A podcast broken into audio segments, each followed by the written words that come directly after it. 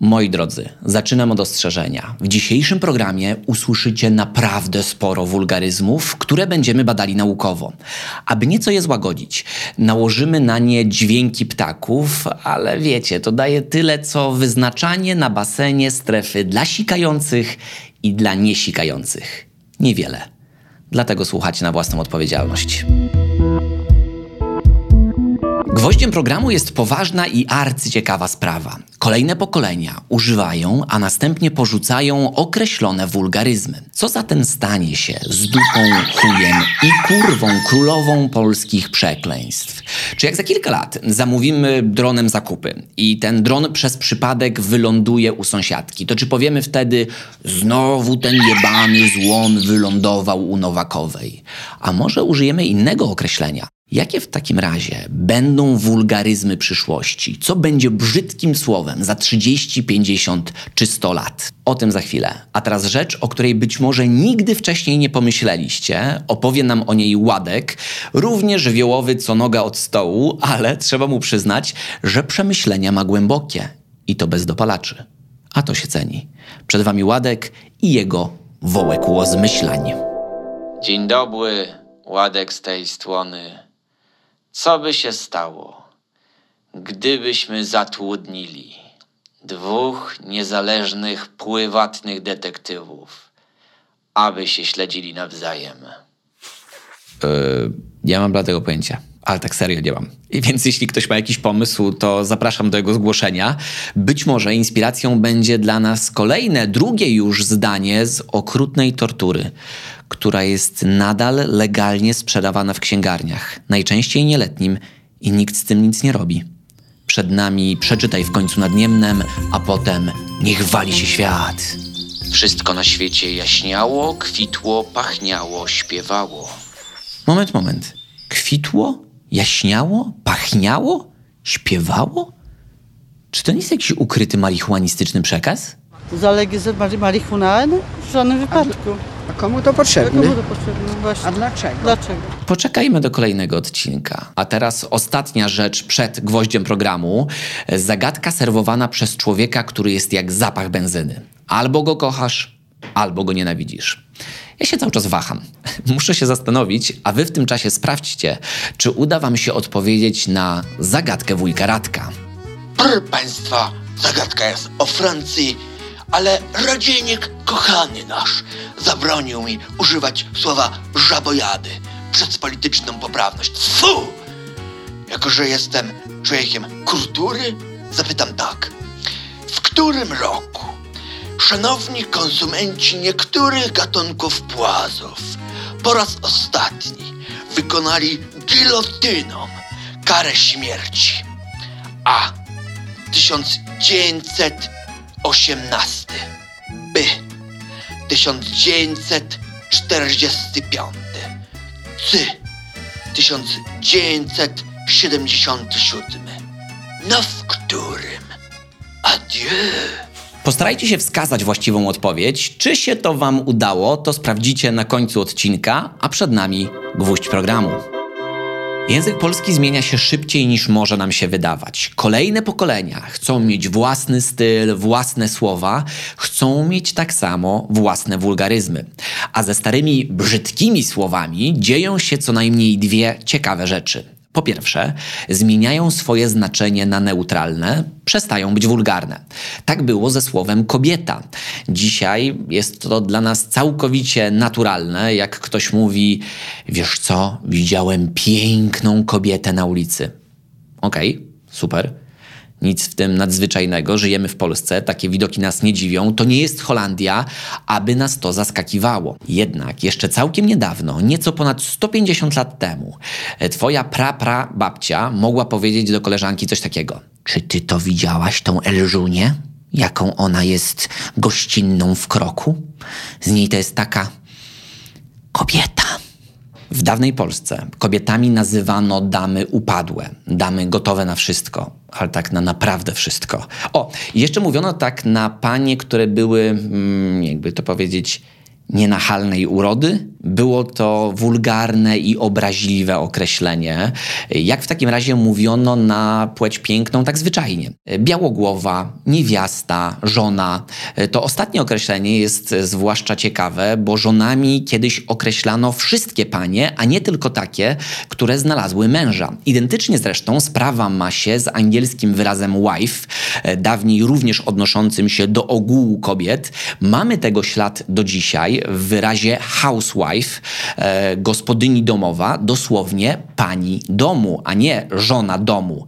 Ona się z tym domem nie żeniła, e, co najwyżej z Ancymonem, który tego domu nie sprząta. Natomiast zaskakujące jest to, że my nie mamy bladego pojęcia, dlaczego ktoś postanowił w starej Polsce na niektóre białogłowe, niewiasty czy żony mówić kobieta. Skąd takie, a nie inne słowo przyszło mu do głowy? Nie wiemy. Najpopularniejsza teoria głosi, że słowo kobieta pochodzi od wyrazu kob, czyli chlew. A więc kobieta to miałaby być taka upadła, nędzna niewiasta, która pracuje w chlewie, karmi świnie. Mimo, że nie mamy pewności co do tego, to jesteśmy na 100% przekonani, że przez bardzo długie lata e, wyraz kobieta był niezwykle brzydkim określeniem. I co jest jeszcze ważniejsze, dzisiaj po tej brzydkości nie ma już śladu. Po prostu niektóre wyrazy zmieniają swoje znaczenie na neutralne i czasami nie wiemy, dlaczego tak się dzieje. Być może za kilka lat e, słowo zasraniec nie będzie miało e, współczesnego znaczenia, a będzie oznaczało na przykład e, słodkiego bobaska. Idziecie sobie ulicą, widzicie spacerującą koleżankę z noworodkiem, nachylacie się nad wózkiem i mówicie Bosiu, Bosiu, a po kim ten zasraniec ma taki nosek? Cio? I to nie jest science fiction. Dokładnie to stało się z wyrazem kobieta. Ze starymi wulgaryzmami dzieje się jeszcze druga ciekawa sprawa. Nawet jeśli nie zmienią swojego znaczenia w czasie na neutralne, jak wyraz kobieta, to ich moc bardzo osłabnie. Do tego stopnia, że dla nas będą brzmiały niedorzecznie. Wyobraźcie sobie policjanta, który tak przesłuchuje podejrzanego. Do stu tysięcy kartaczy zacznij gadać niemotodzika. Gdzie zakopałeś ciało tej niewiasty? Ty huncwocie, borsuku jeden. Brzmi jak przesada? Nic bardziej mylnego. Niemal każde z określeń użytych przez naszego policjanta było dawniej poważnym naruszeniem, było wulgarne do tego stopnia, że za zastosowanie takiego słowa na kimś można było zapłacić poważną karę finansową. Wiecie, co jest najlepsze? Z wieloma naszymi brzydkimi słowami stanie się w przyszłości dokładnie to samo albo zmienią znaczenie na neutralne, zwykłe, jak kobieta, albo będą brzmiały głupiutko i niewinnie, jak do stu tysięcy kartaczy. Zresztą to już dzieje się na naszych oczach. Weźmy zajebiście, pochodzące od y, bardzo starego i wulgarnego wyrazu jebać. Zajebiście to tak samo zajebiście wulgarny wyraz, ale wielu śmiałków nie ma żadnego problemu, aby mówić tak na oficjalnych spotkaniach. Językoznawcy twierdzą, że z każdym rokiem siła tego słowa będzie słabła, aż e, zajebiście będzie oznaczało tyle samo, co fajny. I niedługo w sądzie nikt nawet nie mrugnie okiem. Jak świadek będzie zeznawał, wysoki sądzie, ja to z tym podejrzanym, no, zajebiście spędzałem czas. My się znamy od kiedy byliśmy zasrańcami. I Anna Maria Wesołowska powie, proszę mówić dalej. Gdy ja chodziłem do podstawówki, to zajebiście było naprawdę zajebiście wulgarnym słowem. Gdybym ja w trakcie obiadu powiedział mojej mamie, że ugotowała zajebisty makaron, to moja mama wstałaby bez słowa, wzięła ten makaron, włożyła mi przez nos, a wyciągnęła przez pępek. Ludzie, nie było żartów u nas z tym słowem. Dzisiaj jest inaczej. Czy w takim razie słowa takie jak chuj, kutas, gówno, pierdolić, kurwa, jebać, poseł z czasem osłabną na tyle, że nikt nie obrazi się, jak się tak do niego powie? A może te słowa w ogóle znikną z języka? Raczej nie znikną, uspokajam. Językoznawca Jesse Scheidlauer twierdzi, że im dane przekleństwo ma więcej zastosowań, tym jest większa szansa, że przetrwa i to przez długie wieki. A co by nie mówić o polskich wulgaryzmach, to one są uniwersalne, potrafią zastąpić setki, tysiące słów. Weźcie tylko czasownik jebać. Z odpowiednim przedrostkiem on potrafi nam nawet wyrazić skalę klęski żywiołowej w zdaniu wichura rozjebała pół lasu. Możemy nim wyrazić zachwyt nad e, doborem e, garderoby, prawidłowym doborem, e, gdy powiemy aleś się odjebał, jak szczur na otwarcie kanału. Albo możemy nim udzielić komuś reprymendy i zmobilizować do dalszej wytężonej pracy, gdy powiemy no zjebałeś, ale teraz musisz jebać, jebać, nic się nie bać. Możemy nie traktować tego poważnie, ale specjaliści od języka, tacy jak John McWhorter, twierdzą, że ludzie potrzebują mieć dostępu do słów dosadnych i prostych, aby szybko po nie sięgnąć, żeby wyrazić jakąś emocję. Czasami nie trzeba nawet do tego dodawać przedrostków. Wystarczy inna intonacja tego samego, powszechnie przyjętego wyrazu. Z tego właśnie powodu królową polskich wulgaryzmów jest kurwa, bo sięgamy po nią, gdy coś się nie udało. O kurwa. Gdy widzimy piękny krajobraz. O kurwa. Albo gdy dowiadujemy się, że ktoś spiskuje za naszymi plecami. O kurwa. Tak jak z angielskiego nieprędko zniknie słowo fuck, tak nasza swojska kurwa y, przetrwa spokojnie najbliższe pokolenia. Z nią i z innymi uniwersalnymi wulgaryzmami zdarzy się za to inna ciekawa sprawa. Jaka? Im częściej używamy jakichś słów, mocnych słów, tym tracą one na sile, e, po prostu przestają razić tak mocno. Stanie się to jeszcze szybciej, gdy przestaniemy ich używać w pierwotnym znaczeniu. I na przykład takim pierwotnym znaczeniem e, wyrazów jebać i pierdolić było uprawiać stosunek seksualny, a niekoniecznie psuć czy mylić coś. Dobrym przykładem tutaj będzie stare, wulgarne słowo cholera, którego już dawno przestaliśmy używać w tym pierwotnym znaczeniu, odnoszącym się do żółci albo do choroby. Tak samo mm, używaliśmy go dość sporo, więc straciło trochę swoją moc. Podejrzewam, że raczej nikt się nie obruszy, gdy pomyślę, hmm, cholera. Zastanawiam się nad tym. Czy kogoś to zabolało? Raczej nie. Za kilkanaście, kilkadziesiąt lat, gdy powiem, kurwa, zastanawiam się nad tym, to też najprawdopodobniej nikt na to nie zwróci uwagi. Mimo tego, że teraz nie wydaje nam się to intuicyjne i możliwe, to dokładnie w tę stronę wędruje nasz język. Za 100 lat, gdy będziemy mieli już dwusetną edycję Tańca z Gwiazdami, będą tańczyły gwiazdy takie jak prawnuk Pudziana. To prowadzący, naturalnie nadal Krzysztof Ibisz, który pewnie wtedy przekroczy czterdziestkę. Po zakończonym tańcu jakiejś pary może spokojnie powiedzieć aleście kurwa zatańczyli wyjebane tango. Pewnie nikt wtedy nie mrugnie okiem. To nas czeka bardzo niedługo. Skoro więc ogromna liczba współcześnie używanych wulgaryzmów albo zmieni znaczenie na neutralne, albo się mocno przytępi, to czy będziemy mieli nowe, takie naprawdę brzydkie słowa? Tak. Jakie to będą słowa? Językoznawcy są niemal pewni, że nie będą to nowe słowa, których jeszcze nie mamy w słowniku, jakieś abstrakcje typu zajebaba albo odtrutuj się ode mnie. Na szczęście nas to nie czeka. Zamiast tego chujami, pierdolcami, jebańcami przyszłości będą słowa, których używamy już teraz. One jeszcze nie są bardzo brzydkie, ale wkrótce takie będą. Są jak kleszcze, które się już wbiły, wysysają krew, rosną w siłę i spowodują spore spustoszenie. Badacze języka są zadziwiająco zgodni w typowaniu, jakie już całkiem niedługo będziemy mieli brzydkie, ale tak bardzo brzydkie słowa. Skąd oni to w ogóle wiedzą? Z obserwacji historii. Jeśli chcecie wiedzieć, jakie były albo będą wulgarne słowa dla jakiejś społeczności, to przyjrzyjcie się, jakie tam panuje tabu. Jakie są tematy, na które się nie rozmawia. Nasi przodkowie zostawili nam e, w spadku sporo wulgaryzmów, a te słowa wprost odnosiły się do spraw, które im sprawiały kłopoty.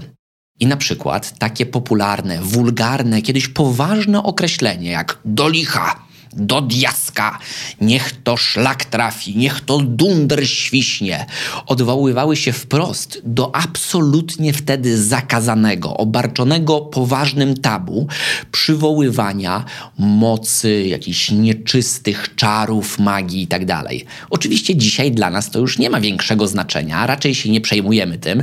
Nikt nie powie, nie mów z tym, niech to szlak trafi, bo, bo naprawdę w tą sąsiadkę piorun uderzy. Identycznie, jeszcze przed rewolucją seksualną, zapewne wyprosilibyście ze swojego domu gościa, który pozwala sobie używać przestrasznych słów, odnoszących się do ciuteńko, nie mówimy, do tabu, do zakazanego tematu, jakim było spółkowanie, uprawianie miłości cielesnej. Czyli wszystkie kwieciste określenia typu jebać, pierdolić, kurwa i tak dalej spowodowałyby wyproszenie takiego jegomościa. Dzisiaj pewnie nie jesteśmy już tak radykalni, bo spółkowanie nie jest tak silnym tabu, jak było kiedyś, więc zamiast wyrzucić kogoś za drzwi, powiecie pewnie: Wujku, tak troszeczkę ciszej prosimy, bo dzieci usłyszą, ale to jest i tak bardzo interesujący trop.